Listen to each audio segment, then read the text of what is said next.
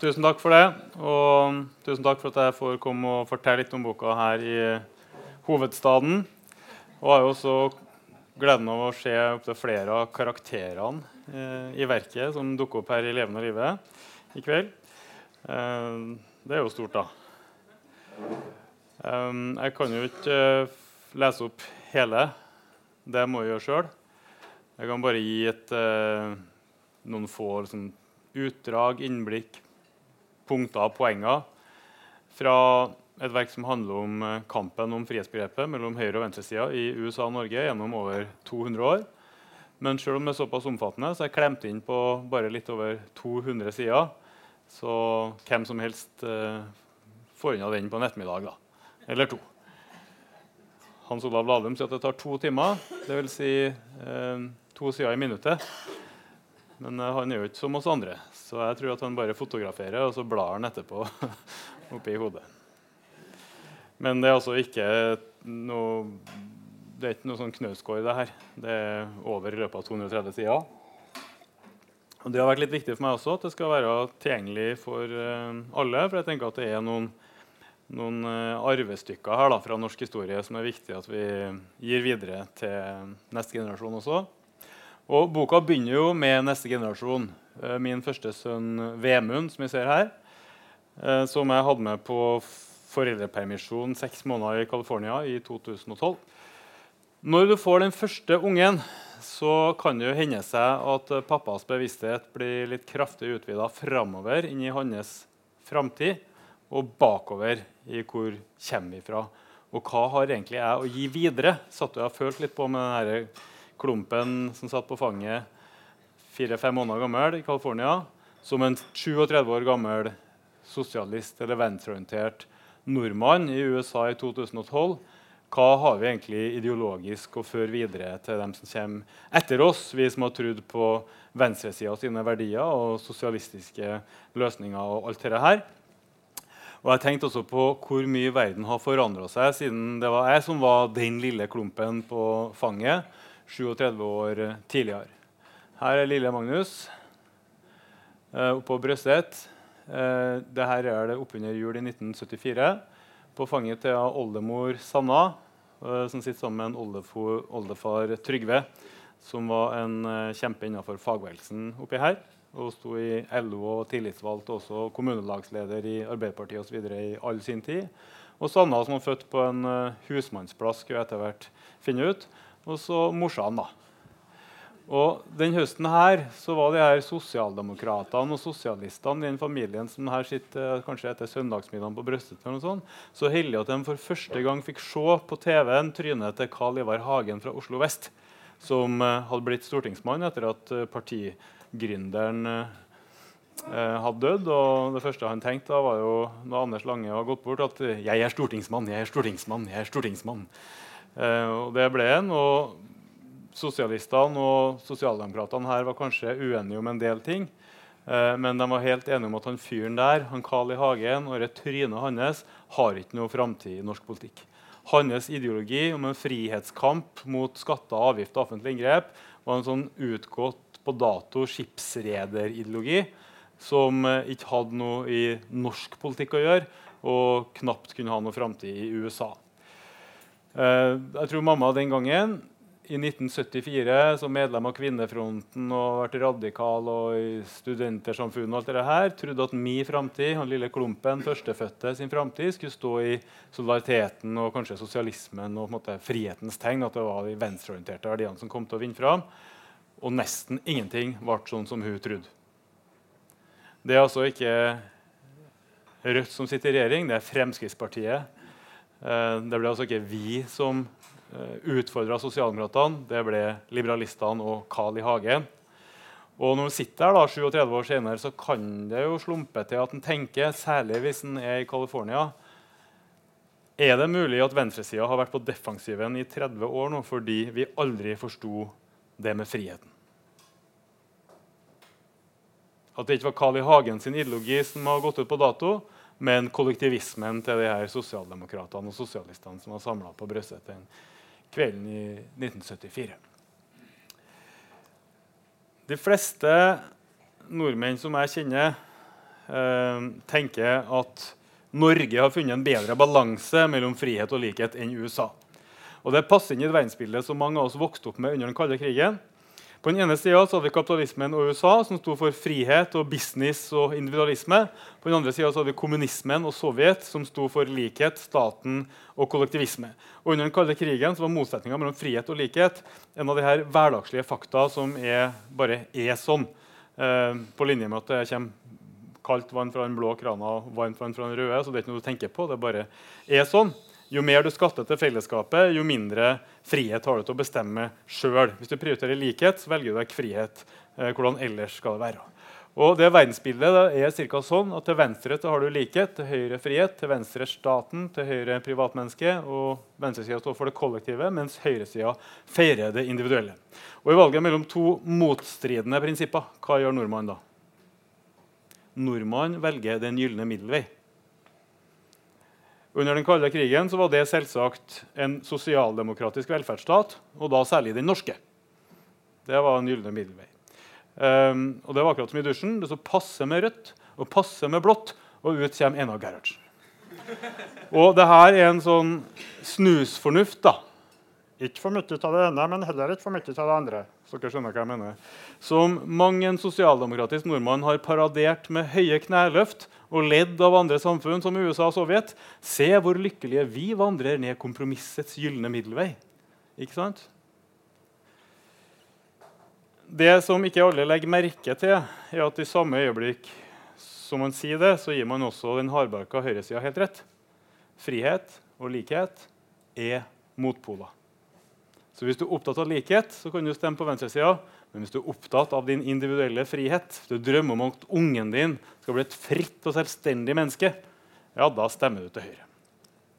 Og denne vedtatte sannheten eller verdensbildet er veldig tydelig uttrykt av norsk politikks største suksess de siste 30 årene.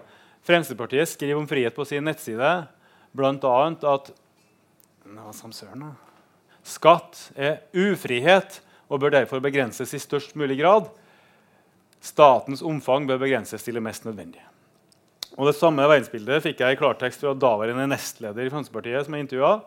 Man har en større grad av enkeltmenneskets frihet i USA enn i Norge, men Per Arne Olsen, fordi det klareste eksempelet på ufrihet er beskatning. Jo mer du tar av en enkeltinnbyggers egne inntekter, desto mindre muligheter gjør du til mennesket selv å bestemme.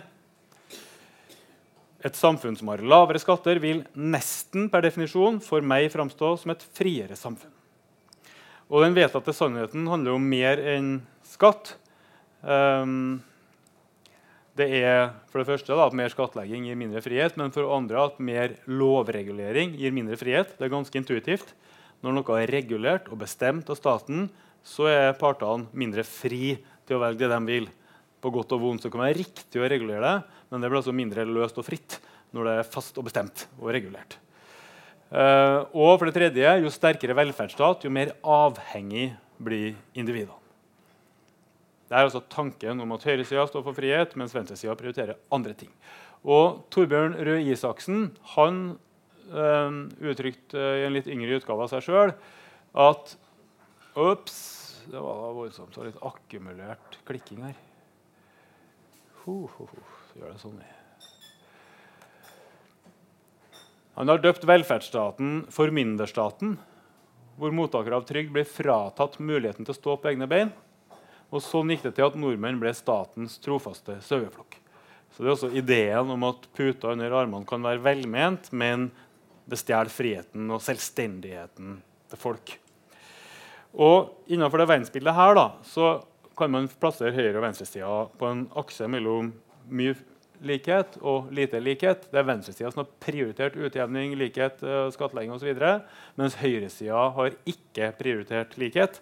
Til gjengjeld så står høyresida veldig sterkt på det med frihet, mens venstresida tabber seg ut der. Så hvis velgerne er opptatt av frihet, så ligger venstresida dårlig an. Og det her har jo konsekvenser for hvordan Norge og USA skal plasseres også. Norge har Sterk fagbevegelse, regulert arbeidsliv med statlig ferielov oppsigelsesvern, relativt høy skatt. USA har mye lavere skatt, ingen ferielov, fint lite oppsigelsesvern, en svak fagbevegelse. Aldri hatt noe sterkt Arbeiderparti. Altså USA er landet for frihet, mens Norge er landet for likhet. Eh, og da sier seg i det verdensbildet her ganske sjøl eh, at det er sånn, fordi nordmenn har da ofra friheten for likheten. Som sagt så var jeg på foreldrepermisjon på skattebetalernes navende regning i seks måneder i California. Og Der var det mye som tyda på at det er akkurat sånn som vi har lært. Altså, det var mye større utvalg i butikkene, og den maten var mye bedre. Og da tenkte jeg ja, men de har jo bare putta på sånne gift og hormoner og sånn. Men i California, særlig der vi bodde, så var alt organisk. så det var ikke det heller. Og folkene var egentlig hyggeligere, triveligere, omgangsformen var friere. Uh, været var bedre. Så mange ting som gjør at du føler deg relativt fri uh, når du er på naving i California. Um, men så var det noe sånn, av og til som jeg fikk øye på noen ting som fikk meg til å tenke litt. Da. Uh, for eksempel, dette er jo bilde av Stanford-universitetet, der kona mi jobba det halvåret. og Der kom jo jeg hver dag klokka to med Vemund i vogna, for da skulle hun ha lunsj. For Jeg fikk jo flaske med sånn pumpa melk på morgenen, og så var vi på turen vår og butikken. Og så klokka to så skulle vi ned på eh, lingvistikkavdelinga der og trilla inn eh, på mammas kontor, som også var Vemunds lunsjrestaurant. Og mens han drev og dia innpå der, så gikk jeg rundt i korridorene og liksom venta litt til han skulle være ferdig. For jeg skulle ikke forstyrre, da, for da blir han veldig forstyrra. Og så fikk jeg øye på en liten smårolling som var akkurat like gammel som Vemund.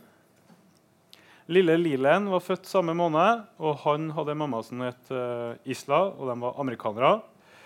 Og hans situasjon og hennes situasjon, eh, Islas situasjon er den samme som Ingrid fra Norge sin situasjon. En ung forsker, mor for første gang, men samtidig så er den situasjonen helt annerledes. For Vemund bringes til sin forskende mammas bryst én gang per arbeidsdag av den skattefinansierte far.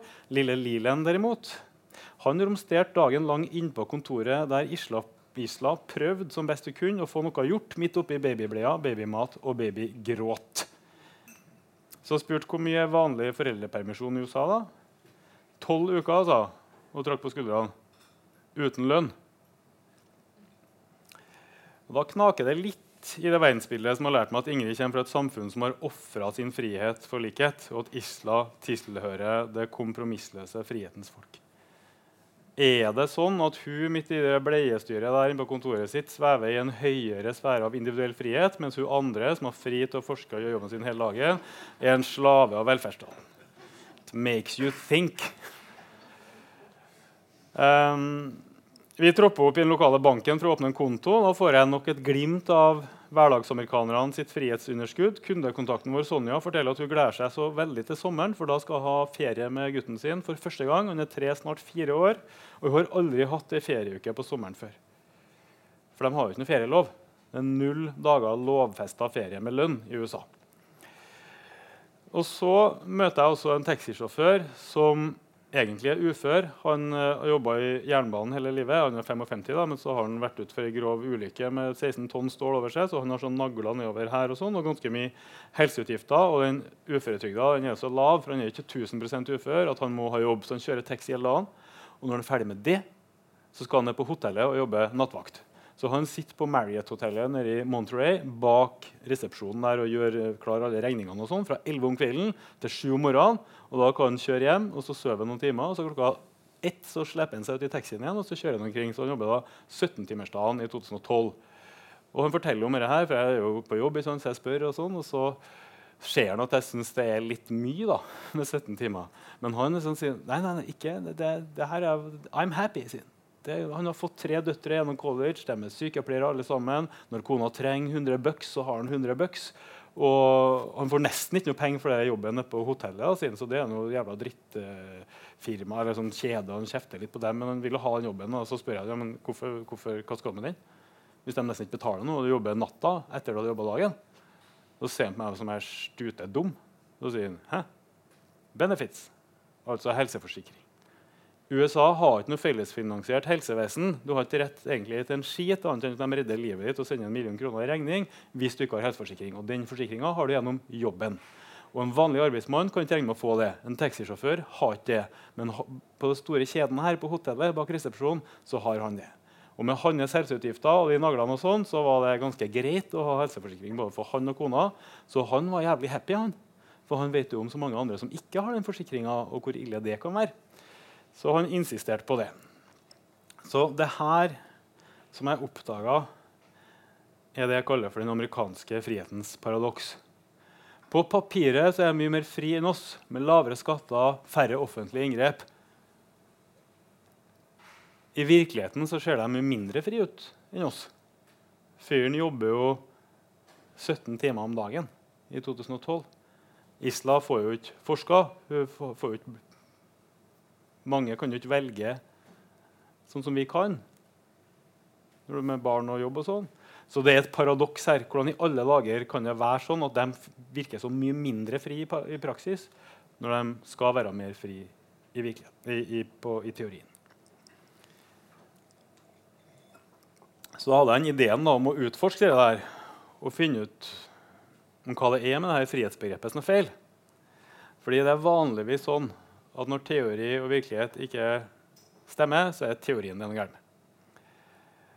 Så da snakka jeg med morsan om det. Eh, og hun fortalte meg jo en gang at ja, men du kan jo snakke med slekta vår her i USA, da. Hæ? Jo, oldemor, hun som jeg satt på fanget til på Brøset, hun hadde jo en søster som dro over i 1923. Og her er jeg med Sanna og Lina, som vokste opp på en husmannsplass på Helgeland. Der de var ti søsken og fem som overlevde. Så da tippoldemora mi Henriette var 37, like gammel som jeg var da Vemund kom, da hadde hun født ti barn. Og to tvillingfødsler der, da. Fulgt fem av dem til kirkegården.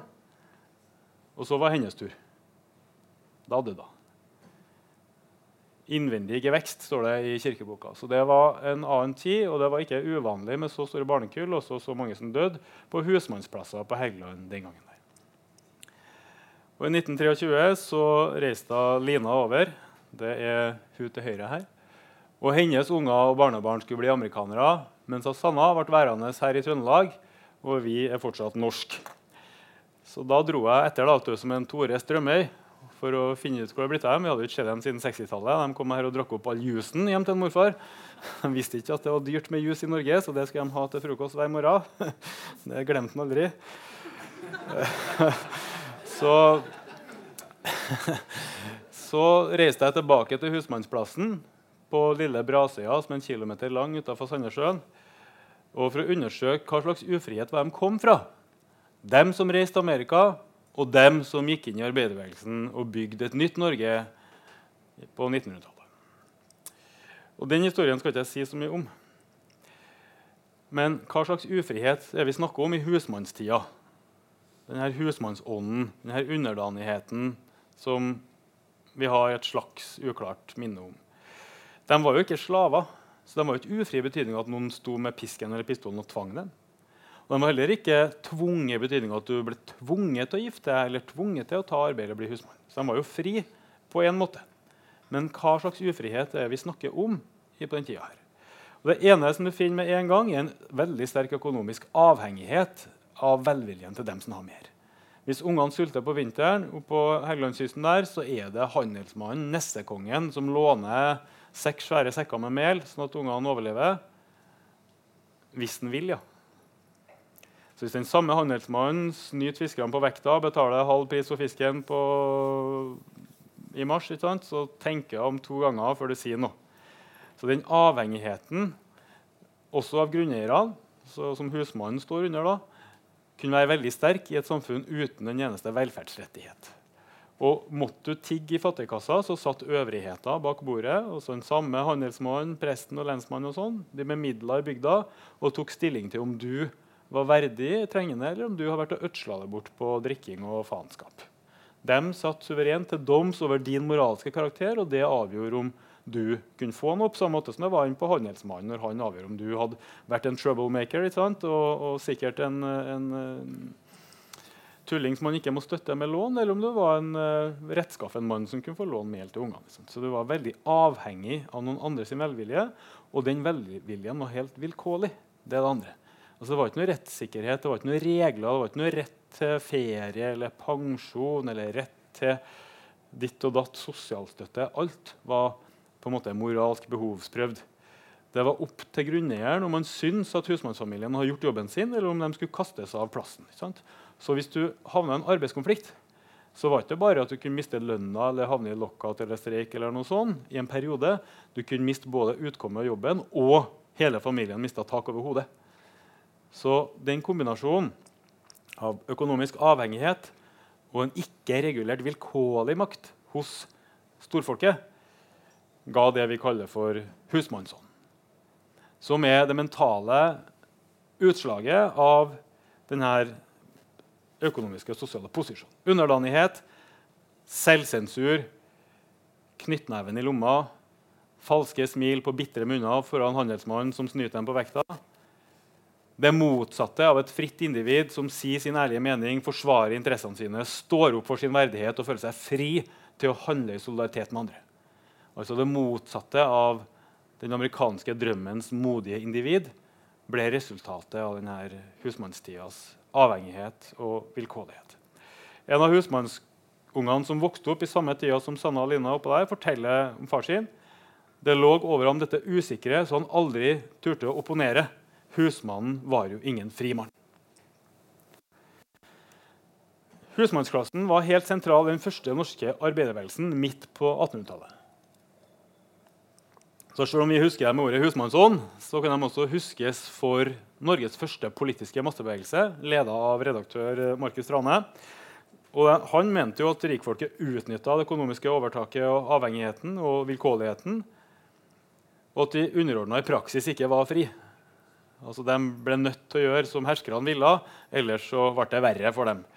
Og Arbeiderforeningene, som de het, da, som Markus Trane var i spissen for, de drev ganske mye med hjelp til sjølhjelp. De starta sånn sykekasser og pensjonskasser og sånn, for å få det de kalte for mindre avhengighet av pengemennene. Og så krevde de et par ting.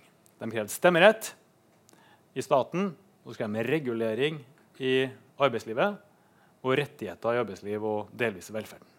Så rettigheter som ikke mer enn 11 timers arbeidsdag, ei uke ferie, minimumslønn som ikke var lov å gå under. Altså de tingene her var det de krevde. Fordi de mente at den rådende orden var urettferdig. Hva svarte den liberale embetsmannsstaten på det? Dette er i den såkalte liberalismens storhetstid i norske systemet rundt midja på 1800-tallet. Eh, og anført av eh, liberalister som TH Askehaug. Så da kongen og regjeringa satte ned en husmannskommisjon som skulle svare på kravet fra den første massebevegelsen i Norge, som samla 30 000 medlemmer. altså det jeg vet ikke hvor mye det er i dagens tall. er To ganger medlemstallet i Arbeiderpartiet. De hadde en avis noe mye større opplag enn Dagbladet. i forhold til folketallet. Det var en plutselig eksplosjon av engasjement. Og Da svarte husmannskommisjonen da, og han Aschehoug her ser vi en litt eldre utgave. Når han var bare 27 tror jeg, sånt, da han satt i en kommisjon. Ingen inntrer i husmannsforholdet uten ifølge sin egen fri vilje. Det var meningsløst tullprat å snakke om ufrihet eller undertrykkelse fra driftsherrens side i en situasjon der husmannen selv inngikk kontrakten frivillig og kunne si den opp frivillig. Hvis han mente at det var for galt, det som foregikk, så kunne han si opp den kontrakten, skaffe seg noe annet, kanskje bli husmann et annet sted, skaffe seg et annet yrke, når han valgte å ha den kontrakten, så var det fordi han sjøl fritt mente at det var det beste. Så det var Aschehoug ganske opptatt av. Og det her er hans eh, økonomiske liberalisme som snakkes. om. veldig opptatt av frihet. Myndige menn vet selv best hva som er dem tjenlig. Og det her er den populistiske brodden til liberalismen. At de peker liksom på dem som vil regulere med statsmakt og lover og paragrafer, og sier ja, men er ikke dette myndige menn. da? Hvorfor vet Trane på sin høye hest bedre enn husmannen og grunneieren hva som er en god kontrakt for dem? Hm. For det her opplysningstidas arv det er at alle skal være like, og at folk er myndige menn som tar sine egne beslutninger. Og akkurat Her så roter en seg jo på en måte inn i et slags uføre. fordi at Hovedkravet til arbeiderforeningene var jo stemmeretten.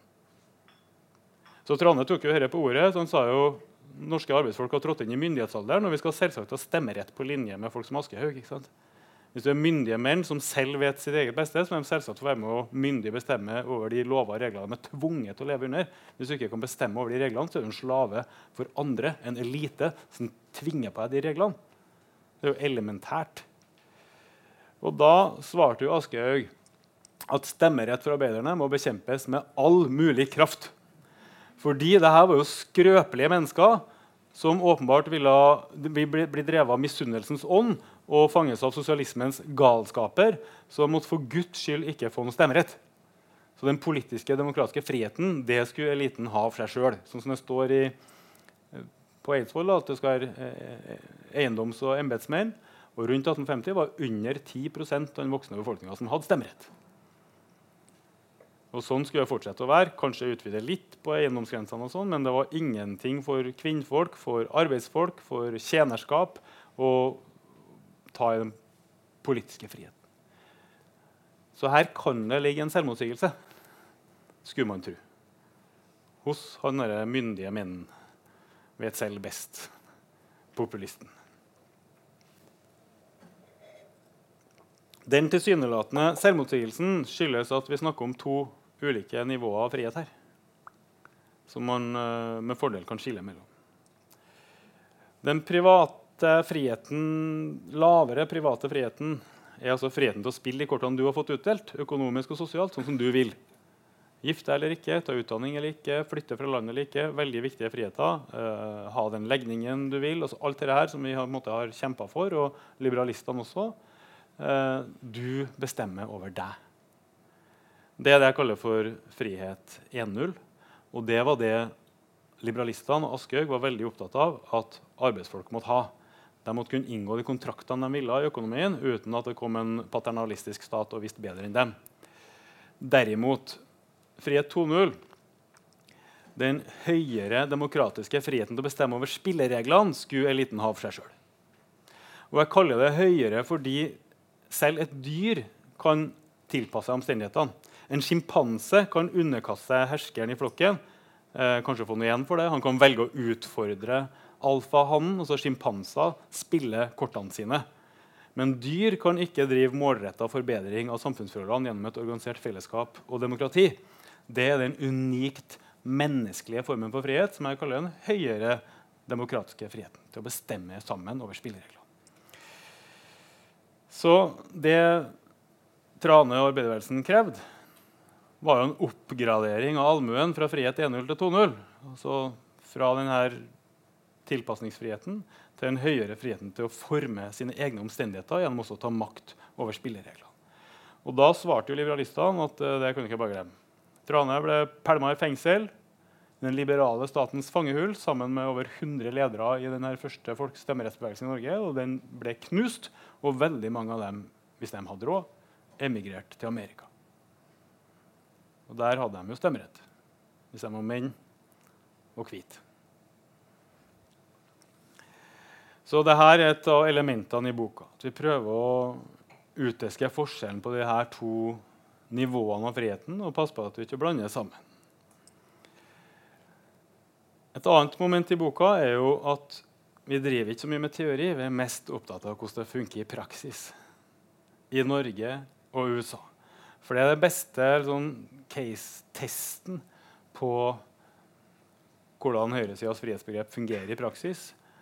Det vestlige, rike landet som er mest sosialdemokratisk, mest regulert arbeidsliv, sterke rettigheter osv., altfor stor velferdsstat i forhold til liberalistene sin smak, mot det vestlige, rike landet som er mest omvendt.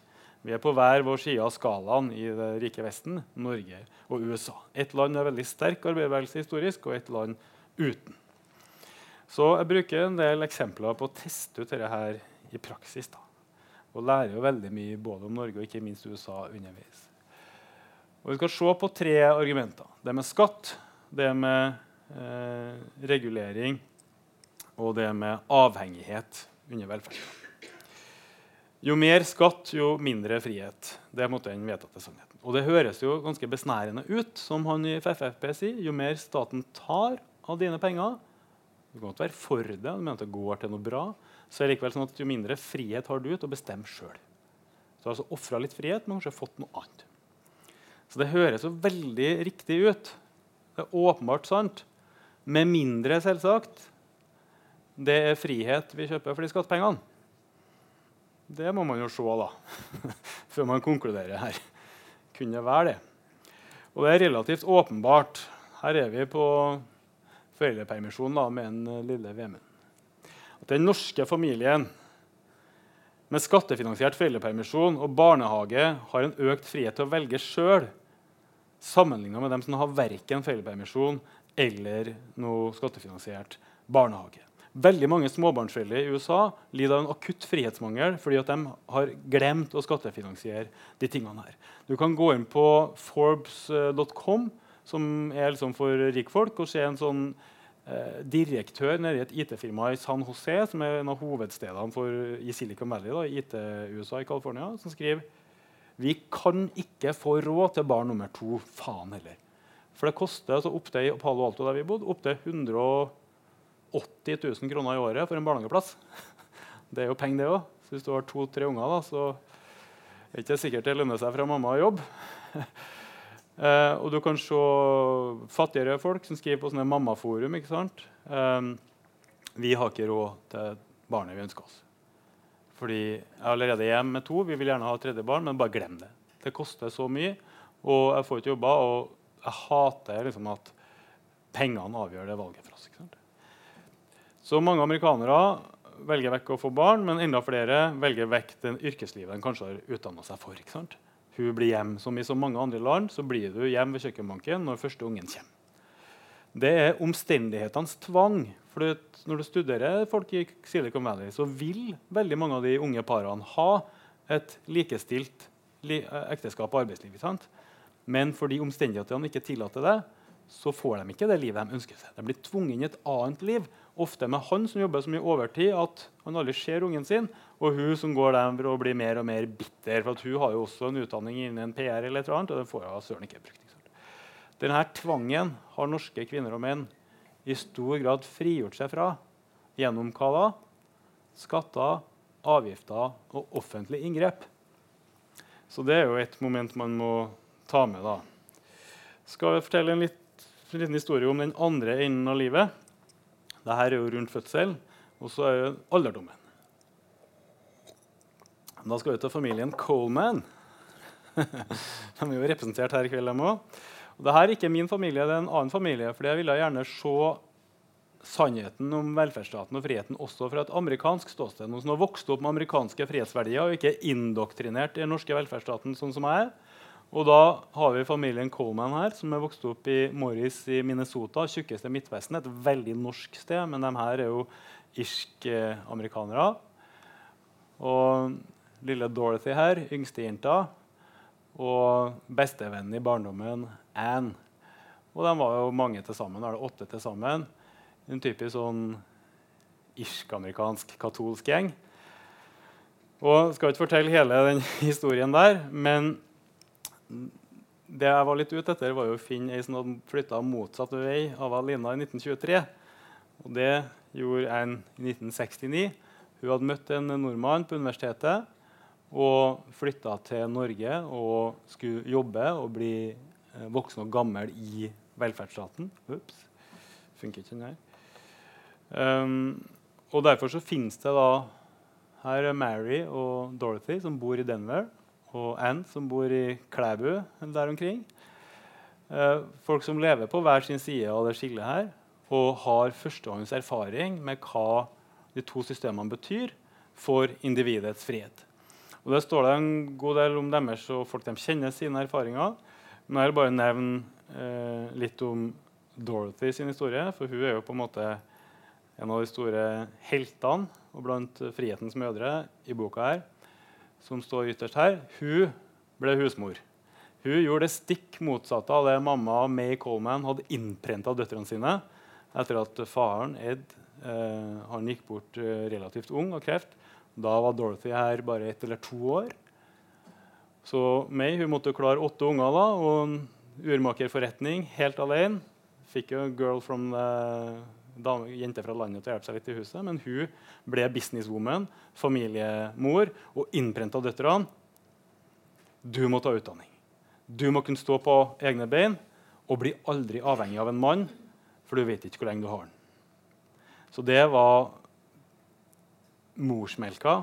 Og de fikk beskjed du er en klippe, du kan klare hva som helst. Så det her er en ultraamerikansk holdning som den går ut i ungdoms- og voksenlivet med.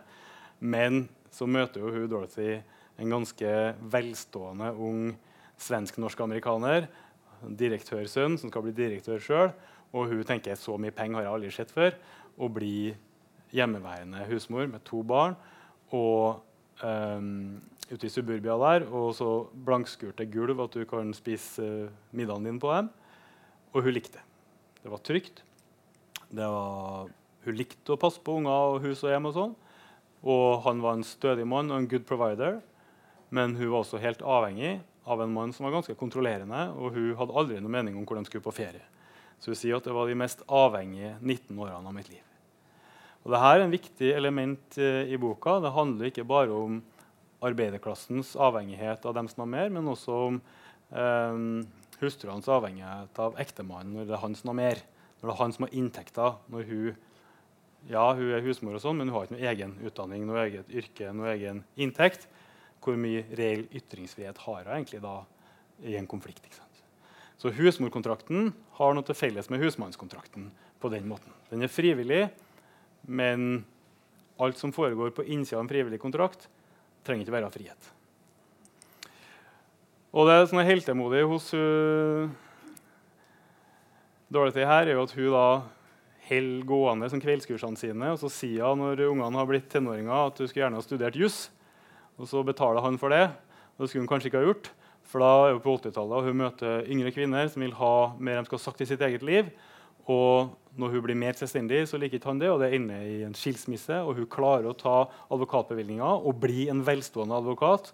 Riktignok skilsmisseadvokat, så hun er mer glad i pengene enn i jobben.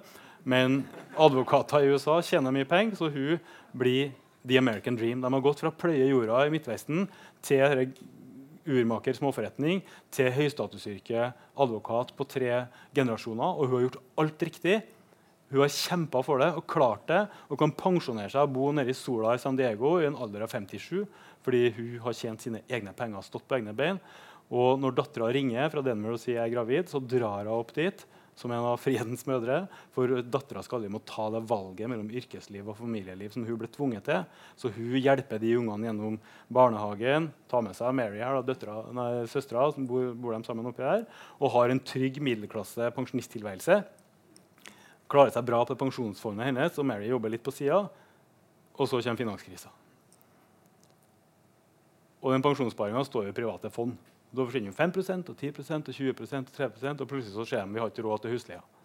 Eller lånet. da. Så de risikerer å falle ut av middelklassen og miste huset og sitte der og være nærmere 70 år og ikke liksom ha en skit fordi den pensjonen er privat. Så hva gjør Dorothy Coleman i en sånn situasjon? Når hun, eller Korstad, som hun ble hetende. Hun gifta seg sånn halvnorsk. Hun hun kan ikke bli advokat igjen når hun er nesten 70 år. en delstat hun aldri har praktisert, Så hun fortsetter utdanninga si og tar lærerskolen mens hun jobber litt deltid i barnehagen. Så i en alder av 70 så er hun da ferdig utdanna lærer og begynner å jobbe fulltid i skolen i Denver. Mens Mary her hun var 78 da jeg møtte dem, og jobba i hjemmetjenesten i Denver med å støvsuge og sånn hos eldre kvinnfolk. Noen av dem var jo da yngre enn henne sjøl, men de var velstående. så de var en privat eh, hjemmetjeneste. Men hun jobba ikke da jeg var der, for hun hadde så veldig sånn skivutglidning. Eh, men hun skulle tilbake og har vært eh, sykemeldt i fire måneder. Eh, så de her er amerikanere. De bare står på den så jævlig og klarer det. ikke sant? Millioner av amerikanere over 65 år måtte tilbake i jobb etter finanskrisa. Og det store flertallet av dem sier at det er ikke fordi jeg har lyst, det er fordi jeg må. Mens Anne, eh, søstera som har bodd i, i Norge siden eh, 1969, eh, kun gå av på uførepensjon da hun var utbrent etter et langt yrkesliv og falt om og liksom ikke klarte mer. og Batteriene aldri lada. Det tar lang tid og utredning. Og sånn. Og det er ikke noe fet ytelse fra uføretrygd på folke, folketrygden, men du kan leve på det. Og så får hun alderspensjon, og hun klarer seg helt greit. Og hun kan jo dra og besøke søstrene sine. så gjør hun ganske av og til, Sparer opp og drar og besøker dem. De kan aldri besøke hun her, for det har de ikke råd til. Og hvis de jobber, så får de fri heller. Så Moralen i denne historien her, den er veldig enkel. Frihet i form av lav skatt kan ha en betydelig kostnad i form av ufrihet og omstendighetenes tvang på andre områder. Ja, det kan være frihet vi kjøper oss med de skattepengene. Så har du tanken om at jo mer regulering du har, jo mindre frihet for individet. Og Det er også tilsynelatende innlysende. som jeg sa. Når det er regulert og fast, så er det mindre fritt enn når det er uregulert og løst. ikke sant? Men Johan Nygaardsvold, norsk statsminister fra 1935 til høyresida tok over i 1940. Husmannsklassens største sønn. Og kandidat fra Strinda valgkrets, da, der oldefar var fotsoldat for Nygaardsvold. Da han innførte loven, arbeidervernloven med krav til saklig oppsigelse, altså en regulering av arbeidslivet, i 1936, mot hylende protester fra Norsk arbeidsgiverforening, hva var argumentet deres da? Var argumentet for loven om saklig oppsigelse at det er bra med frihet, men det må ikke bli for mye? Vi må tenke litt på likheten også. Nei, det var ikke det. Det var et helt annet argument. Johan fortalte på Stortingets talerstol da han var representant, hvordan det var å ha kontraktfrihet da han var plankebærer eller jobba på sagbruk. Da var det sånn at Hvis noen ikke gjorde som sjefen ville, eller ymta om fagforening eller solgte feil arbeideravis, sånn, så var jeg rett ut. Og da var det ikke bare ut fra den fabrikken, men det var i ti mils omkrets. Det var yrkesforbud. Det var ytringsfriheten deres i et samfunn uten noen regulering av den saklige oppsigelsen. Hydro på Rjukan hadde svartebok med masse navn. og Der sto det mange folk som aldri har jobba på Hydro på Rjukan. Eh, for de utveksla navn i konsernet. Så det kunne jo være at var en, uh, han var en fyllik og han var sånn og sånn. Men det kunne også være agitasjon, streik, politiske meninger. Den største NHO-foreninga eller NAF-foreninga den gangen de mekaniske bedriftene, hadde svartebok eller et register sagt, med 16 000 navn over hele landet som du kunne ringe inn av så personalsjef og si han Nilsen her bør jeg ansette han eller ikke. Og Da var det påtegna med karakterer og kommentarer fra tidligere sjefer, sånn at overklassen kunne liksom passe på litt hvem de ansatte. ikke sant? Da sier en arbeider ved et sånn verft nede i Oslo at uh, her er det åpenbart at en eh, hevngjerrig arbeidsgiver har et helt fryktelig våpen mot en helt forsvarsløs arbeider. Så Da arbeiderbevegelsen gikk på talerstolen i Stortinget og skulle forsvare den reguleringa her, så sa de at det skal bli slutt på vilkårlige herredømme. Arbeiderfamilien er helt utlevert til arbeidsherrens eh, luner og de skal ha noe å leve av neste uke. Vi skal ha slutt på det tyranniet. Så da de innførte lovkravet, så var det ikke for å begrense individenes frihet eller beskjære den, men for å beskytte den. Det var et vern mot utnyttelsen hos den underlegne parten som var lovens formål. Altså en frigjørende lov.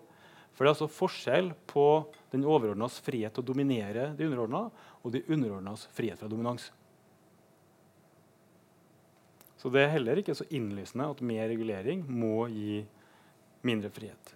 Og det Fenomenet her det kaller vi i Skandinavia for statsindividualismen. Litt paradoksalt. Men på noen områder så er det sånn at småfolket enten det er kvinnfolket eller arbeidsfolket, har brukt staten gjennom demokratiet og loven til å holde storfolket i ørene. Altså en allianse mellom individet og staten mot de overordna i det sivile samfunn for å binde opp den vilkårlige dominansen og makta til dem som har mer. Det har de ikke tenkt på borti Civita. skjønner du. I USA er det helt annerledes.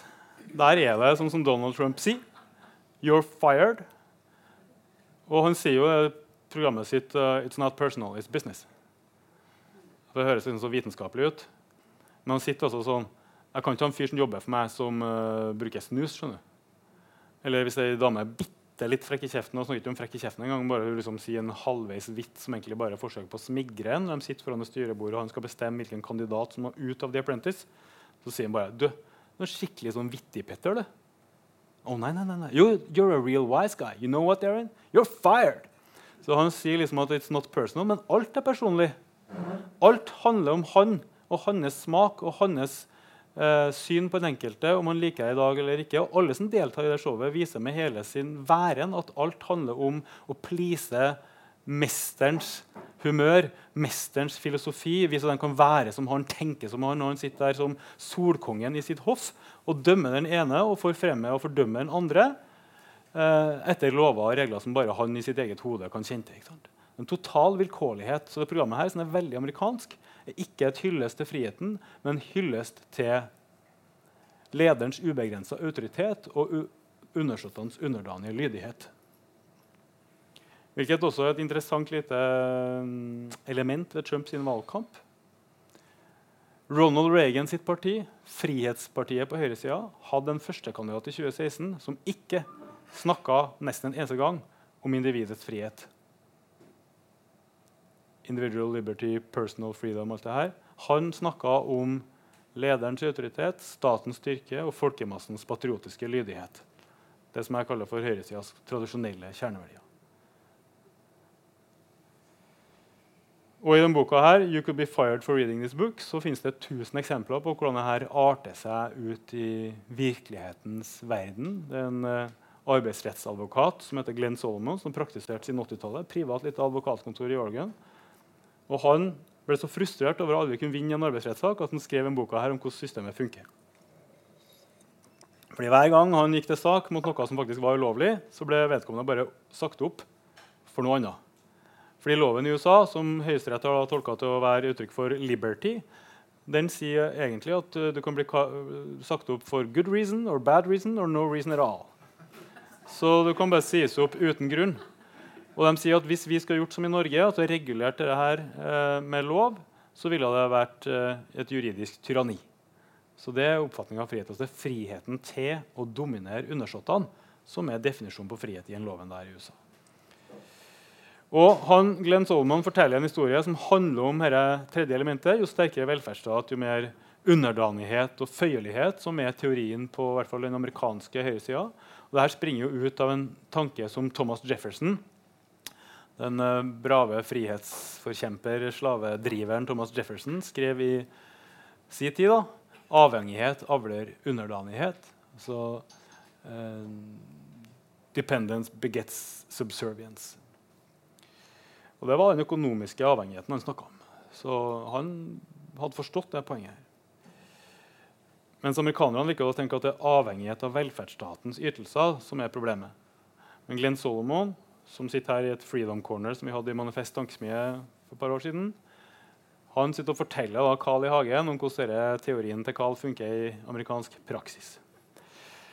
Så vi er veldig opptatt av teori og praksis her. da.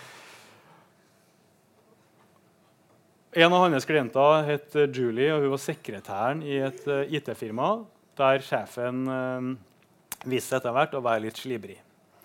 Han var gift, og hun var gift, men han hadde problemer på hjemmebane. og nå skulle han bli skilt, sa han, og Så drev han og satte dem opp på som businessturer sammen. og Det var en veldig sånn metoo-historie som etter hvert utarta til at han begynte å ta på. og Hun var veldig ubehagelig. og Så kom han nærmere og nærmere, og hun skjønte jo at hvis ikke jeg liksom tydelig sier fra nå, så ble sånn, for Hun hadde jo vært litt sånn unnvikende, og sånn, for hun ønska ikke noe konfrontasjon. For hun vet at hun har ikke noe rett til saklig oppsigelse, så det er best å være forsiktig. Men hun var jo gift og en unge hjem, sånn at hun måtte jo på en måte sette ned foten. Så var det bare det da, at han fireåringen hjem han hadde veldig alvorlig astma. og de Lungene hans trengte 20 000 kroner i medisin hvert år og ganske mye legebesøk. Og den helseforsikringa de hadde, det var hennes. For Mannen hadde ikke helseforsikring, og akkurat nå hadde ikke han jobb heller. Så det var liksom ikke bare jobben som var i vektskåla her, det var jo lungene til fireåringen også. Da. Og da er det hun går til advokat og sier 'Hva skal jeg gjøre?' Og han må bare fortelle oss sant til at det her er ulovlig seksuell trakassering. akkurat som du sier. Og du kan legge inn en klage på det og anmelde dem for det. Og de har ikke lov til å si deg opp for det, for det skal beskytte deg når du legger inn en klage på seksuell trakassering. For det er forbudt i amerikansk arbeidsliv. Men de kan og vil si deg opp på en hvilken som helst annen grunn eller ingen grunn. Og det er så å si ingenting jeg kan gjøre for å beskytte en situasjon. Det kommer til å ta årevis, og kommer antageligvis til å tape. Jeg må bare si liksom. Så da sier jeg ja, men Glenn, hva gjorde hun? Hva gjorde hun? Hva gjorde hun? Hva skjedde? Hva skjedde? Og han sier bare at hun tusla tilbake på jobb, og jeg så aldri igjen. Så hun måtte jo bare finne seg i det hun måtte finne seg i, inntil hun klarte å finne seg en annen jobb med helseforsikring og forhåpentlig en bedre sjef. Og nå sier jeg på ingen måte at amerikanske sjefer er sånn. Dette er jo selvsagt et unntak i amerikansk arbeidsliv, som det ville vært i norsk. Men den friheten som hun har, som er friheten fra skatter og avgifter For hun har ikke noe råd til felles helsevesen. Riktignok bruker de dobbelt så mye penger som oss på helsevesenet, men det er jo da privat og advokater og sånn. Og frihet fra offentlig inngrep. Det etterlater hun så økonomisk avhengig som en husmann var, under en makt like vilkårlig som nessekongen og grunneieren den gangen. Det er opp til sjefens velvilje om hun har jobb i morgen, og hvilket maktmisbruk åpner ikke det for. Og hun har knapt noen rettigheter fordi det kaller de tyranni. Staten blander seg inn i det. Og hun har ikke et felles helsevesen som passer på de lungene til fireåringen hennes hvis ikke den private helseforsikringa gjør det. Det er ikke noe rart at sjefene og kapitalistene i USA ikke vil ha et felles helsevesen for arbeidsfolket, fordi da er de avhengig og underdanig og føyelig. Så de ligner litt på husmenn i den forstand.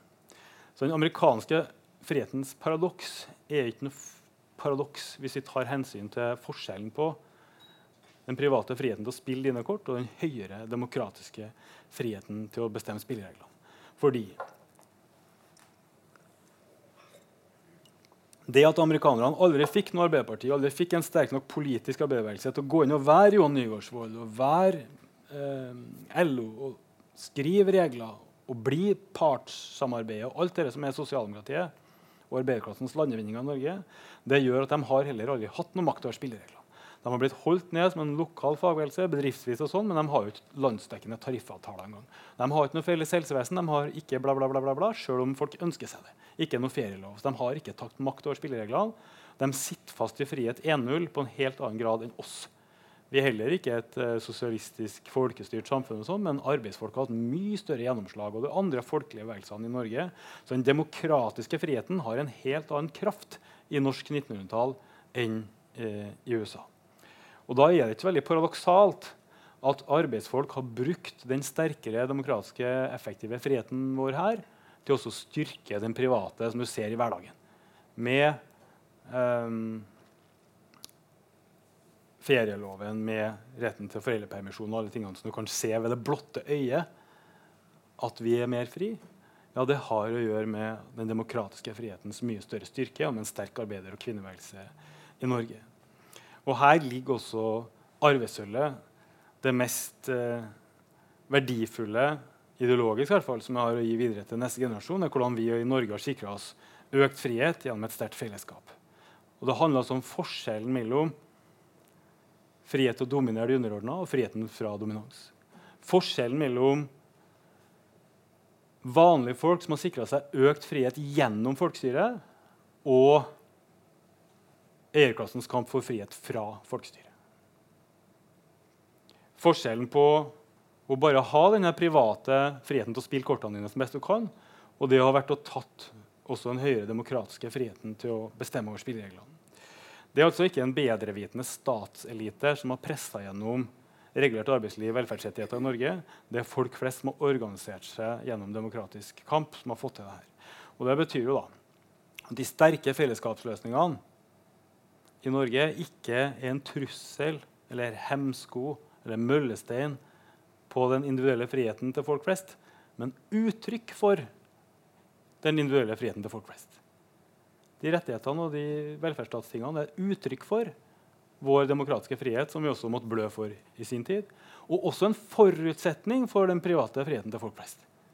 Det er de her ordningene som sikrer oss den økte valgfriheten mellom da, sånt, uh, yrkesliv og, og, familieliv og barn og alt det her, med barnehager og sånn.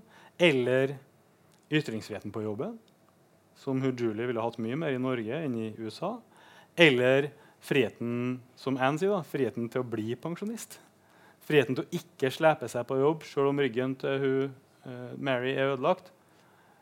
Frihet fra omstendighetenes stille tvang. Økonomiske omstendighetenes stille tvang som går helt inn arbeidshelsa og kroppen, og du tvinges til å bryte ned den. Og det er jo da ikke så rart finner jeg ut i denne boka her, at amerikanerne begynner å se mot Skandinavia. 70 år etter at mine oldeforeldre med tårer i øynene åpna Amerikapakken etter andre verdenskrig, så oppfordrer da den mest populære politikeren i USA nå, sitt folk, til å se til land som Danmark, Sverige og Norge og lære av det de har oppnådd for arbeidsfolk. Her gjør jo Bernie Sanders en liten feil. Ask not what våre land har oppnådd for sine arbeidsfolk, Bernie, men hva arbeidsfolket har oppnådd for våre land. Men i stedet for at amerikanerne blir mer som oss, så vet dere jo at det ikke skjer. Så er det vi som blir mer som dem. Og EUs indre marked er et prosjekt for å nedgradere allmuen fra frihet 2.0 til 1.0 i demokratiske spørsmål. Det er friheten til å konkurrere om jobbene, men ikke til å regulere konkurransen. Og En av dem som har kommet hit for å jobbe hos oss fordi det er så fattig i Øst-Europa, er Iliana som eh, for noen år siden kom og skulle vaske litt hjem hos meg. Fordi vi hadde jo fått barn og hatt så dårlig tid og tidsklemmer. og sånn, Så vi tenkte at vi kan jo ikke ha vaskehjelp vi annenhver uke. Vi kan jo ikke være sånne folk. Men så kom vi på det at det var av hensyn til lille Vemund. Og hvem kan vel være mot at foreldrene får to timer mer annenhver helg med den lille guttungen? De skal lære seg å bli foreldre som Det kan umulig noen være noe imot. Så det måtte jo være greit. da. Og det skulle være tarifflønn og ja. Så oppdaga jeg etter hvert at hun var veldig opptatt av barn, hun Iliana fra Romania. da. Så skjønte jeg gradvis at hun hadde jo en hjem, hun også. En Robert på fire år, som hun satt igjen der for å dra til Oslo for å vaske gulv og prøve å få godkjent utdanningspapirene sine, lære seg norsk og bli sykepleier. Det var ikke så lett å lære seg norsk da, når du gikk alene og jobba og vaska hver dag. sånn det tok jo et år. Så tok det to, kanskje tre. Og Robert sitter hjemme i Romania og kjefter på og griner på Skype. og Et år fikk hun ikke feire jul hjemme engang. Fordi sjefen i vaskefirmaet i Oslo sa nei, kanskje noen som skal renholde på andre tredje juledag. Så vi får se. Laga mat over Skype. da. Sånn. Så hun er veldig sårbar for utnyttelse. for Hun er så desperat for å komme hjem til jul. Og sånn, og så er hun helt desperat etter å få jobb. Fikk jo åtte måneder uten. Hun er tross alt fra Romania. liksom, og, og hun begynner å finne seg ganske mye. så Jeg forteller om det i boka. Hvordan et firma som ser helt i orden ut på overflaten, eh, lurer og lyver og jukser og bryter loven på masse punkter inni den kontrakten. Så hun er utlevert og avhengig på en måte som minner om gamle dager. Men hun skal være glad hun ikke kom som sykepleier til Norge gjennom bemanningsbyrået Orange, som setter de pleierne fra Latvia, Litauen og Ungarn og sånn, eller Bulgaria i 40 000 kroner i gjeld. Kan gange med kanskje fem i forhold til valutaen. ikke sant? For norskkurset, som de tar dobbeltpris for, og reisen hit, så skal hun jobbe 24 måneders bundet kontrakt i Norge for å betale ned de 40 000 skylder. Og hun får beskjed om at hvis du bryter kontrakten eller oppfører deg dårlig, så er jeg rett hjem, og da skal du betale de 40 000 i løpet av 30 dager. Og da går huset på tvangsauksjon. Og det har skjedd mange ganger. Og I den kontrakten så står det at hun har forbud mot å diskutere med sjefene i kommunen eller ansatte i kommunen hun leies ut til. Dette er jo i hjemmepleie særlig. ikke sant? Hvis du diskuterer lønns- og arbeidsvilkår med noen der, så er jeg hjem til hjemlandet og 40 000 i gjeld. Det vil si da sant, 200 000 kanskje da, hennes valuta. ikke sant? Og ungene går på tvangsauksjon. Hun har forbud mot å utføre ordre på en utilbørlig måte. Har de prestert å skrive denne arbeidskontrakten? Altså dypt ulovlig arbeidskontrakt. Og Orange Helse da leder inn av 100 eller 80 kommuner, en periode også mange helseforetak. I hjertet av velferdsstaten som min oldefar og oldemors generasjon bygde opp, så utnytter vi da arbeidsfolket på en måte som han var stolt av å bli kvitt for 70 år siden vi skal spare litt penger på budsjettet, så sitter en eiendomsarving i Bergen og en norsk velferdsprofitør på ryggen på pleierne fra Øst-Europa som er ca. like analfabet på norsk som dere husmennene på kysten av Helgeland for 100 år siden. De skjønner ikke kontraktene sine, og når Fagforbundet ringer, så springer de og legger de fra seg telefonen. Sånn. Så det er en utnyttelse som vi ikke har sett på nesten 100 år. Men er det så ille, da, sier NHOs tankesmie eh, Civita. Kristin Clemet mente at det var så mye snakk om sosial dumping. Der det bør snakke om sosial jumping. Fordi det er jo bedre her enn det er der de kommer fra. Det er jo bedre at de får mye bedre lønn enn de ville hatt, selv om de ikke er på norsk nivå. Og tenk om de da blir her noen år på sant, og viser seg som dyktige arbeidsfolk og kommer inn i firmaet og kanskje får fast jobb etter hvert. og sånn, Så kan de da om en del år være mer eller mindre norsk nivå, men de kan ikke regne med å få det med en gang. Og det er jo bedre enn at de ikke får komme. De har det jo bedre her enn de ville hatt der, så det bør heller kalles sosial jumping. Og Sånn gikk det til at nordmenn begynte å tro på den amerikanske drømmen. På vegne av våre meksikanere fra Øst-Europa. Men da oldefar kom ut i arbeid i 1923, riktignok med 87 timers arbeidsuke, eh, så var arbeiderbevegelsens holdning at alle skal ha rett til like rettigheter, samme om foreldrene var fattige. Om hun kom fra husmannsplass eller fra byen, skulle ikke ha noe å si for arbeiderbevegelsen. For bare hvis vi gjorde det sånn, så fikk vi en bredden i solidariteten som kunne gi flertall og samfunnsendring. Og Derfor så er alle skal med i den norske arbeiderbevegelsen. Ikke skille på denne kvinnfolkene skal ikke ha sånn, og dem skal ikke ha sånn. Nei, alle skal med. Hvis ikke så får du ikke den solidariteten. Og hvis vi tenker sånn som hun gjør der, så har vi ikke noe flertall. Og de folkene her, de ligner, de, arbeidsinnvandrerne ligner på husmannsklassen på en annen måte også.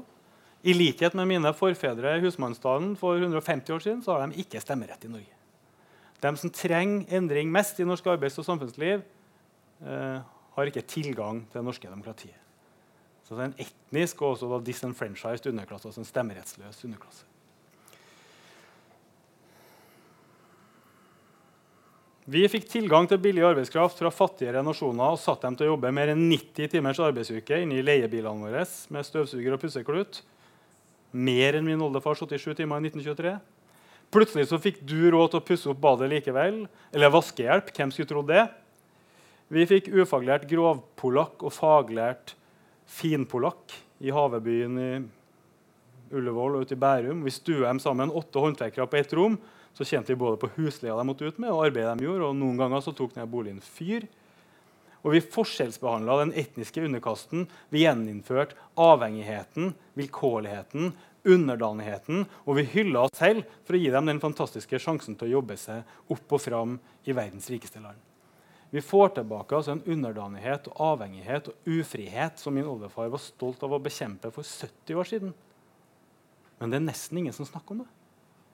Vi snakker om tariffen og sosial dumping, og lønn og sånn. Det er ingen som snakker om den knyttneven i lomma og de bistre munnene med falske smil på alle de polakkene på byggeplassene som skjærer av seg fingrene på ingen som tør å si at nå er tempoet for høyt og en sirkelsaga her er livsfarlig. Det er ingen som snakker om ufriheten i kapitalismen. Vi har ikke noe språk for det mer.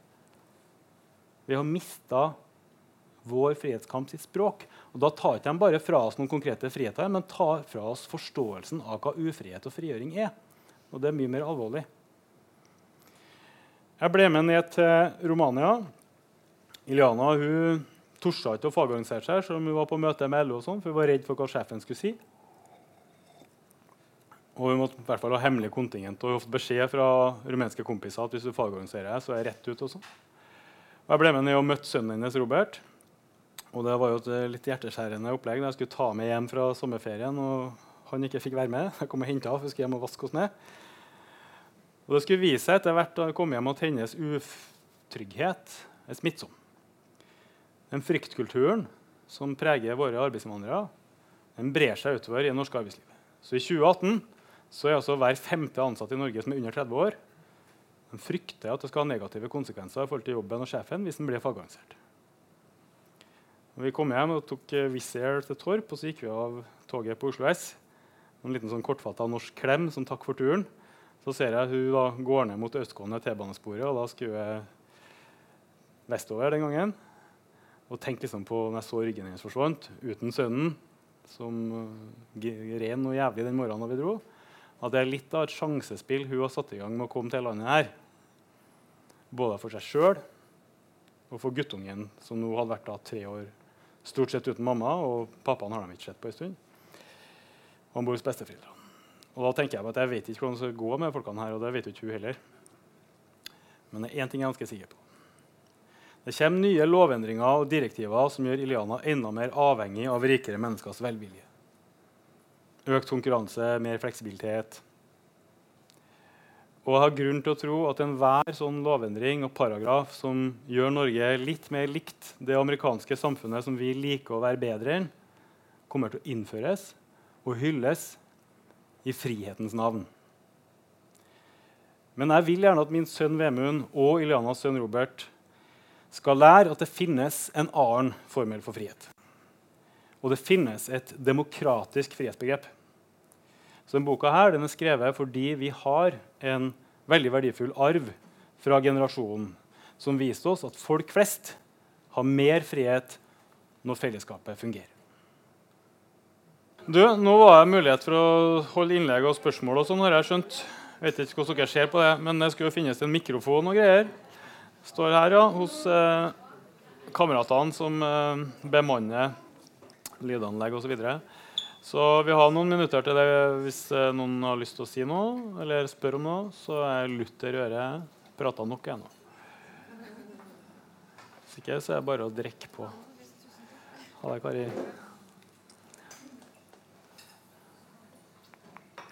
Det er greit, ja. Så bare presenter dere sjøl.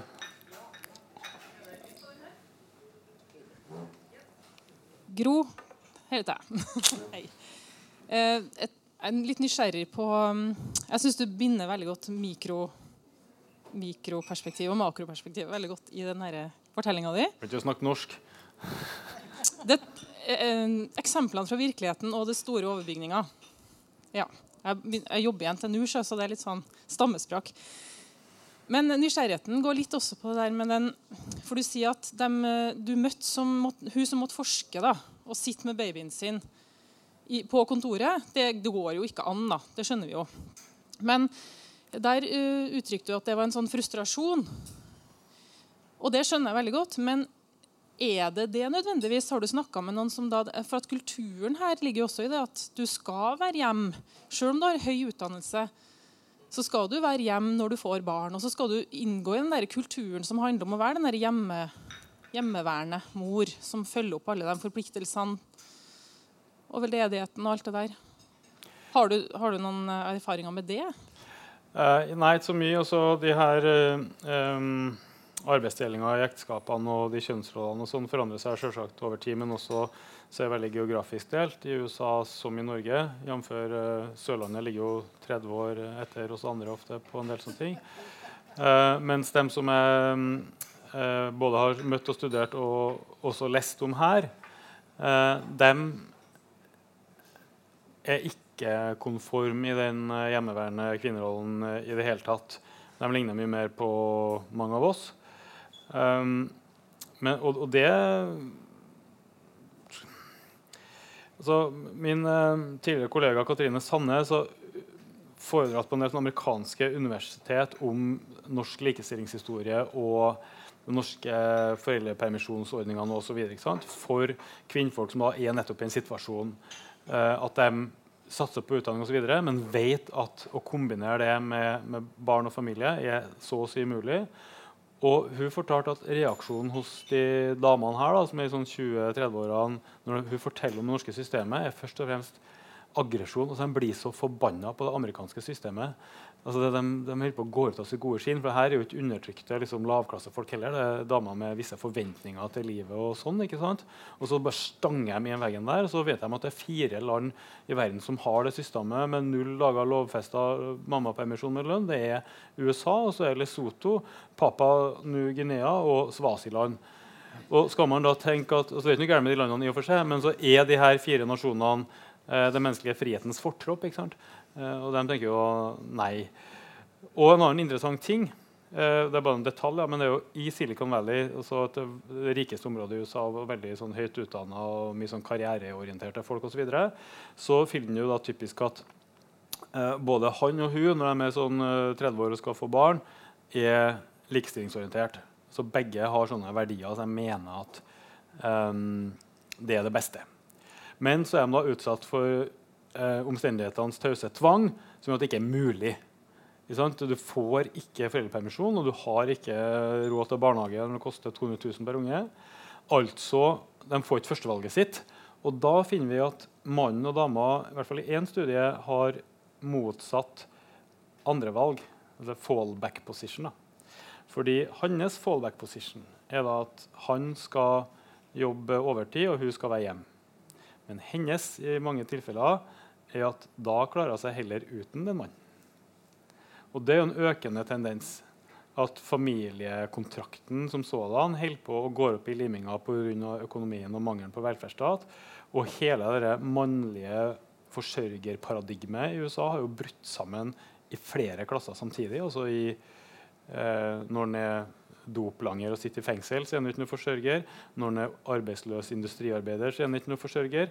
Eh, men også her når, når hun velger vekk eh, det, og noen av dem også får barn utenom mann, og sånn, så er han heller ikke noen forsørger. Så det skjer, det, det, er en, det, er en, det, er en, revolusjon i kjønnsroller eller i, i familiemønstre og sånn også, som har gått litt under radaren her, som foregår f.eks. I, i Silicon Valley. Da.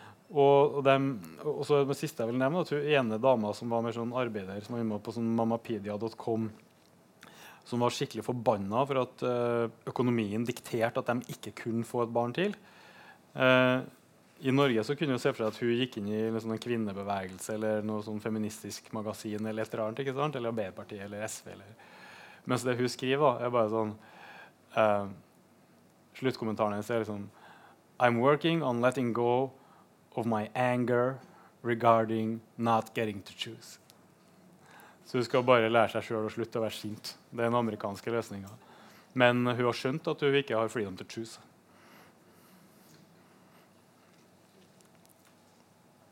Nå kommer mikrofonen.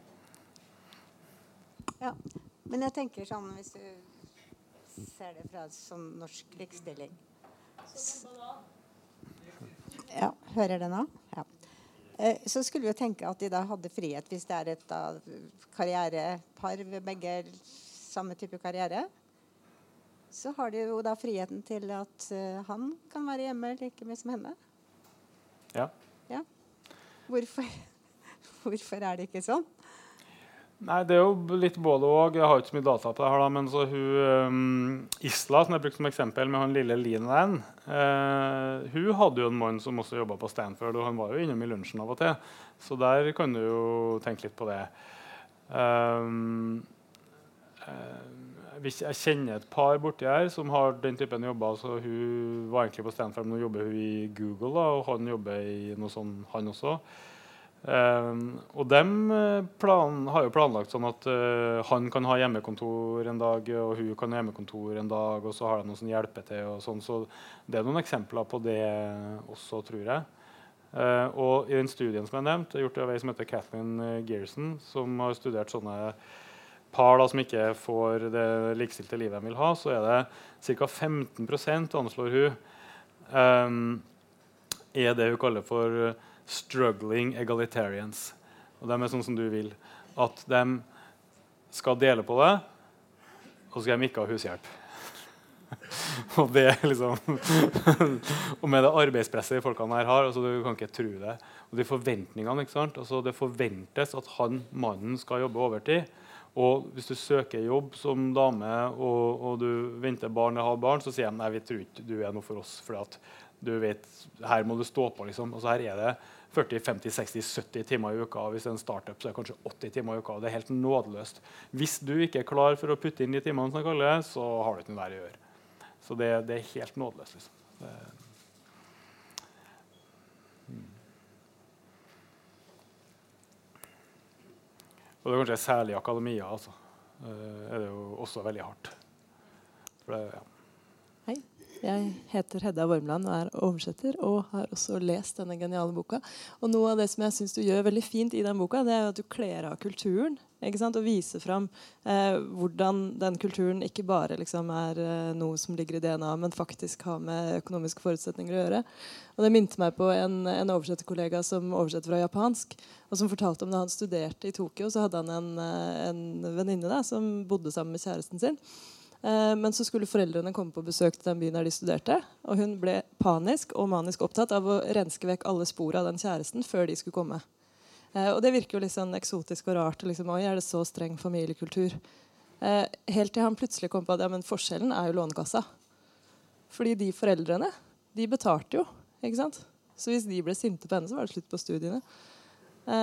og det og det er utrolig nyttig da, tenker jeg, å snu på det og se på det på den måten. At ja, kulturen kan faktisk være skapt av økonomiske forutsetninger. Og også det at den, altså den økonomiske friheten som velferdsstaten gir, det er jo også en frihet fra familietvang. da. Og det er kanskje noe som liberalistene er redd for. Ja, Det er jo et interessant tema med frihet fra familietvang. fordi eh, hjernen bak det begrepet statsindividualisme, den svenske historieprofessoren Lars Tregård han gjorde som meg og dro til USA riktignok litt yngre og kom til California og trodde at det var land or free, og oppdaga eh, det han kalte for avhengighet da han skulle søke seg inn på Berkeley. og De spurte eh, hvordan planlegger å finansiere oppholdet ditt. Du må fylle ut et skjema med hvilken eh, økonomi og eiendom har du. Og så må du fylle ut hva har foreldrene dine. Og så sa han ja, hvorfor det? Jeg er jo myndig. Og så han sånn, ja, men Her i Amerika så bruker ofte foreldrene å betale for avkommets eh, utdanning, og avkommet bruker å være ganske glad for det. Så de? Og da sa han, jo, men Hva om de vil at jeg skal studere noe nyttig, ja, økonomi eller jus, og ikke noe sånn dumt som historie? Eh, er ikke det en individuell ufrihet for meg? liksom? Eh, så han oppdaga det her, da, som er den familieavhengigheten. At du kan være utlevert den veien, og så andre veien. At Hvis du har en drittsekk av en sønn, da, som du ikke syns noe om, og som du tar masse dårlige valg, og som du liksom burde ha, ha strekt litt. Da. Eh, men så vet du at du er helt avhengig av ungene dine når du blir gammel. Så kanskje den veien også. Når du blir gammel nok, så er du litt avhengig av velviljen til ungene dine også. Eh, så velferdsstaten, eldreomsorgen, barnehagene osv. gjør jo at man er mindre avhengig. og Da finnes det en annen motsatt kritikk av velferdsstaten, som er den konservative eh, familieverdikritikken, som sier at ja, okay, det er mulig dere er fri, eh, men dere er også helt iskalde. Eh, dere lar uh, gamlemor ligge og dø på eldrehjemmet i sykehjemmet i Alta, mens dere skal sitte og svinge cavaen i Oslo. Uh, og hun dama fra Tea Party som er intervjuet ganske nærgående, hun tenker sånn at i velferdsstaten You're just a number. You're not a human being. Og vi vil at folk skal være glad i hverandre og varme mot hverandre og ta vare på hverandre, for de har ansvar for hverandre. Og sånn, og det forsvinner the moment you let the government in there. Uh, og folk blir veldig ensomme i den skandinaviske velferdsstaten. Og det blir mer selvmord, og det har en voldsom sånn mørk pris. da som vi betaler for denne frimodige seksuelle revolusjonen og frigjøringa. Altså en sånn motsatt kritikk. da, At vi er altfor fri. Men den kritikken har ikke noe empirisk grunnlag. Det finnes en film som heter The Swedish Theory of Love, som også er et begrep fra han Lars Sægaard. Og den svenske kjærlighetsteorien, altså den skandinaviske teorien om kjærlighet er jo liksom at eh, partene må være økonomisk uavhengige for at det skal være ekte kjærlighet. For hvordan vet jeg at hun er glad i meg hvis hun er avhengig av lønna mi? Det her er jo sånn, også en sånn uh, dukkehjem-ting. At Hvis du er avhengig av hans velvilje og penger, så er du egentlig ikke fri. Og, og det her er helt i vårt kulturelle DNA. Sånn tenker vi. Uh, den sanne kjærligheten er mellom to som er også økonomisk uavhengige. på en måte, ikke sant? sånn er bare Skandinava som tenker. Da. Og den filmen den kritiserer da det for å bli et uh, sånt kaldt og, og omsorgsløst samfunn. Men så går inn empirisk og sjekker hvor føler folk seg mest ensom, hvor mange timer bruker man på foreldre, barn osv. i uka? Uh, og så videre, og så videre. På sånne parametere så er skandinavene veldig varme, veldig oppofrende. Veldig mange timer med barn og eldre osv. Så, videre. så det, det, er ikke noe mer ensom og ulykkelig. Så det, det, det er ganske tynt empirisk belegg da, for den teorien der. Da. Det er jo godt å ta med seg. Da.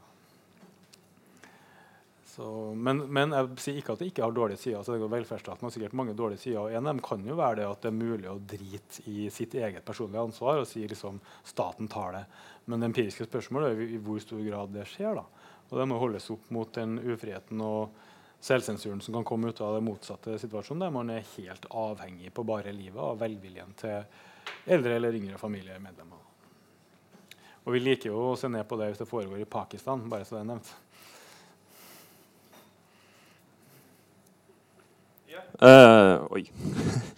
Jeg heter Mathias, uh, og jeg begynte å se litt på det frihetsbegrepet igjen med den frihet 1.0 og 2.0, og begynte å tenke litt på EU inni denne sammenhengen, for de har jo pressa litt på uh, en del frihetsbegreper. Snakk om å presse litt på tariffavtaler og sånt. Men da så jeg litt bare på at det jo, kan jo nesten minne litt som at Norge har, har begynt å gi fra seg sin frihet 2 til EU fordi vi er så opphengt i dette trygge handelsmarkedet.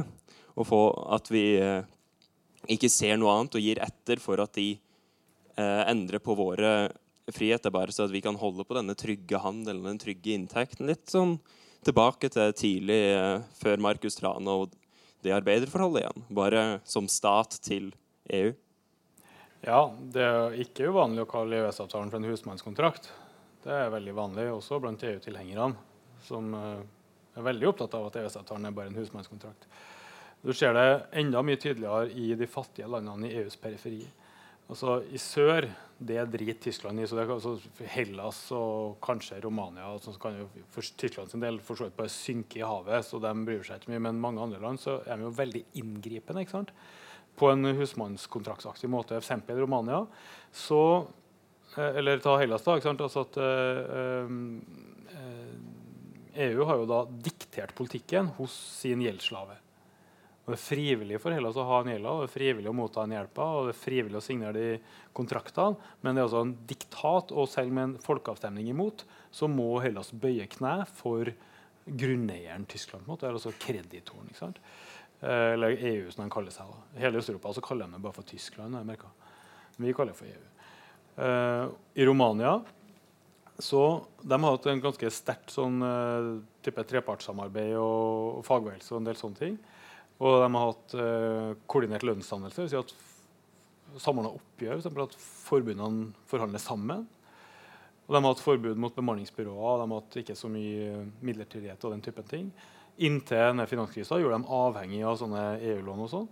Så EU har diktert at det skal være bemanningsbyråer og økt midlertidighet. Og den eh, rumenske regjeringa har forbudt eh, samordna lønnsoppgjør. Som egentlig er en frivillig ting for de frivillige partene i arbeidslivet. Men som regjeringa bare har diktert og vist liksom, til press fra EU men det var mer som påskudd da, at eh, vi forbyr forbundene å bruke den samla styrken. og NHO i Romania var mot det forbudet, for jeg mener at det griper inn i partsfriheten. ikke sant? Um, og de rumenske embetsmennene, eh, liberalistene, EU-tilhengerne, sier at det skjer for å øke friheten i systemet. Så, og, og, noen av arbeidslivsforskerne som forsker på det som skjer i rumensk arbeidslivet under trykket fra EU og den liberalismen, sier at det er ganske paradoksalt at i frihetens navn så kjøres de lovene igjennom og da snakker jeg midt på natta i parlamentet med to timer til å lese 10 000 sider type skitt, på en måte som minner om Romania før 1989. Så EU trykker gjennom den degraderinga av allmuen til frihet 1-0, bare frihet til å konkurrere med jobbene, men ikke til å regulere konkurransen med eh, mer og mer autoritære metoder. Eh, og det merkes mye bedre i fattige land, som er avhengig av EUs velvilje, enn i Norge, som bare er avhengig av EØS-avtalen, og egentlig ikke det engang. Eh, så trykket er mye hardere der. Da. Men resultatet er jo en alles kamp mot alle blant arbeiderne, og et system der arbeidsfolk ikke har noe makt over spillereglene, og ikke opplever noe politisk frihet i praksis. Uh, og det baner jo vei for det jeg kaller for liberalismens uh, eller frihetens ironi. da. At EU har jo i frihetens navn satsa på å skape en tverrnasjonal, flernasjonal harmoni i Europa med nådeløs økonomisk konkurranse som viktigste virkemiddel. Og har da produsert den mest skremmende nasjonalistiske oppmarsjen bak landegrensene siden andre verdenskrig, bortsett fra Balkankrigen. Uh, gjennom det her. For de fratar folk muligheten til å gjøre det Nygaardsvold gjorde, og som uh, Roosevelt gjorde, nemlig en demokratisk utvei av kapitalismens krise. Og når folk ikke har den demokratiske veien å gå, så øker det markedet for dem som har syndebukker å tilby. Og en Trump-politikk som ikke da lenger handler om individets frihet, for de har slutta å tro på den markedsliberalistiske retorikken sin, og i stedet for statens eh, autoritet. Så det handler altså om at Når markedets usynlige hånd har skapt nok trøbbel og sosial uro, så roper høyresida på statens jernkledte neve, som må rydde opp. Og det legitimeres med syndebukker, innvandrere osv. Ja, ikke det en positiv sluttappell? runde av med det. Vi har en her også som kan få mikrofon, så kan vi runde av etter det, kanskje. Ja. ja for vi må jo si noe om framtida òg.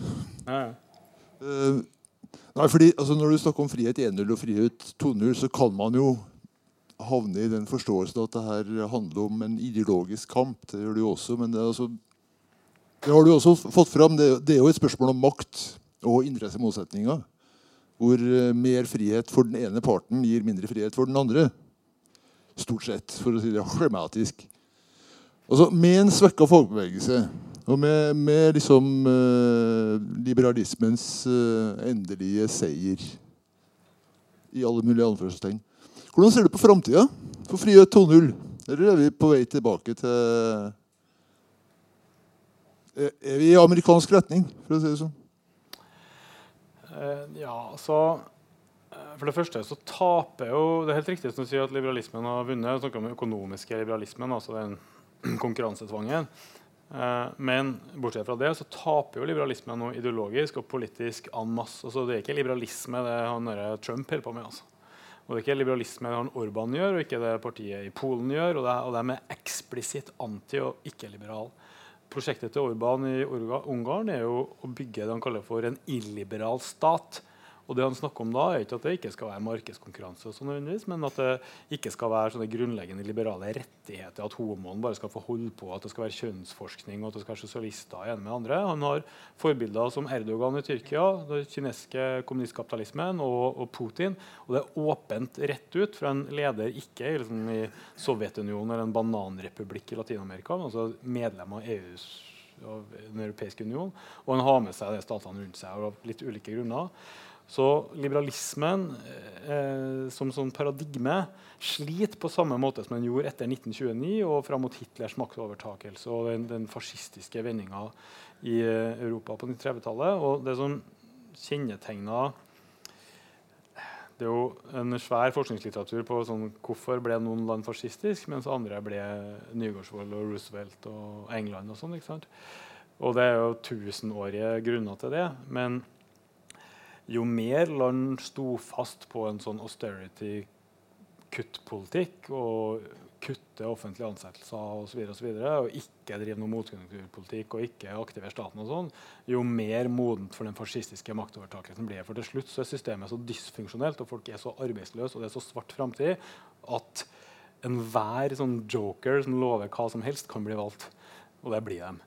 Uh, og det andre som også kjennetegner de landene som ble fascistiske, ifølge Karl Polanyi, var at de hadde en framvekst i forkant av de maktovertakelsene av um, obskurantistisk filosofi, konspirasjonsteorier, rare sånne um, tankestrømninger og helt sånne fake news.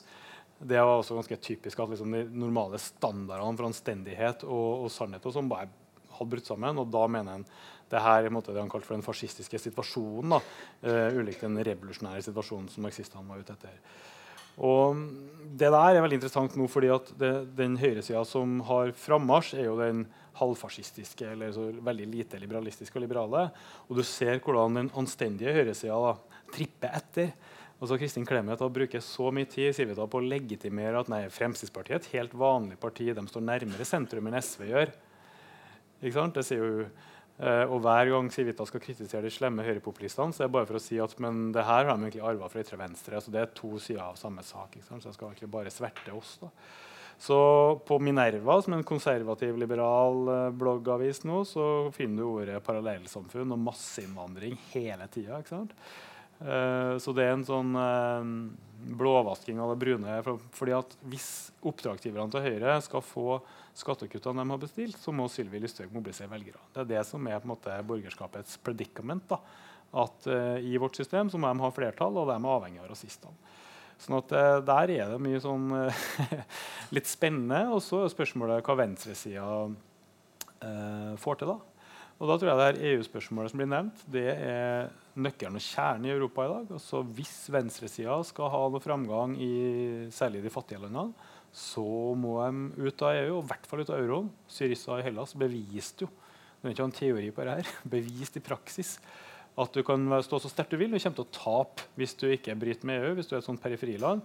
Men egentlig også i Tyskland og kjernen og sånn, så vil hele spørsmålet om nasjonal suverenitet og sånn tror jeg blir sentralt. Uh, Uh, av mange grunner. Jeg kan, kan, ikke gå gjennom hele det. Men, men venstresida må også altså, klare å håndtere både de her klassespørsmålene og de menneskene som ikke stemmer i dag, de fattigste, det såkalte prekariatet, alle de må mobilisere de bydelene i Oslo som har lav valgdeltakelse, alt dette her, og så få kontakt med de marginaliserte, det er store velgermasser i mange land, men også håndtere det nasjonale spørsmålet. Så hvordan stille den nasjonale suvereniteten seg i forhold til EU og i forhold til med å regulere innvandring, arbeidsinnvandring, alt dette her. Fordi hvis ikke vi har en et, uh, gjennomførbar og troverdig politikk på tingene her, så overlater vi hele smæla til Frp og til det som verre er. Så det er det. At du kan godt si at det er vanskelig å tenke seg å regulere arbeidsinnvandringa fra EU-området, for, for at du frykter at det vil utløse rasistiske holdninger. Hvis du sier at det må være en eller annen grense for det. og det er fullt mulig at det antenner rasistiske holdninger eller fremmedfiendtlige holdninger. Men problemet er jo at hvis ikke venstresida lager seg en politikk som sikrer norske lønns- og arbeidsvilkår i Norge, så risikerer det at Fremskrittspartiet kommer og sier nå stenger vi grensene for de folkene her. Og hva kommer Arbeiderpartiet til å gjøre da? Kommer til å dilte etter. Det er ingen prinsipper som overlever Arbeiderpartiet hvis de mister alle de velgerne. Så det her det er mange sånne kinkige spørsmål som venstresida bare må uti, tror jeg. da Eh, og så må vi, selv om ting er sånn komplisert, og digitaliseringa treffer arbeidslivet, og robotene kommer, og det er kunstig intelligens og det er masseinnvandring og alt det som liksom er så nytt, så tror jeg at vi må stå stødig på det vi lærte i forrige århundre. Så fellesskap fungerer, og folk flest er mer fri når fellesskapet fungerer. Og det er de her solide, sterke fellesløsningene i arbeidsliv og velferd de er uttrykk for og forutsetninger for folks frihet i Norge. Og det gjelder nøyaktig like mye om de er på østkanten eller vestkanten, eller om de er muslim eller norsk, eller om de er brun eller hvit. Altså, vi har den samme politikken for alle. Vi har ikke en egen politikk for innvandrere. Vi har sosialistisk og sosialdemokratisk alle skal med-politikk for alle. For det er det fellesskapet på tvers av region, og religion, og kjønn og alder som er det sosialistiske flertallsprosjektet. Eh, tenker jeg da. Så vi må ikke tro at vi skal finne opp vår politikk på nytt. bare for at det er også noen nye utfordringer. Vi må stå på erfaringene fra forrige århundre for å håndtere erfaringene i det nye året.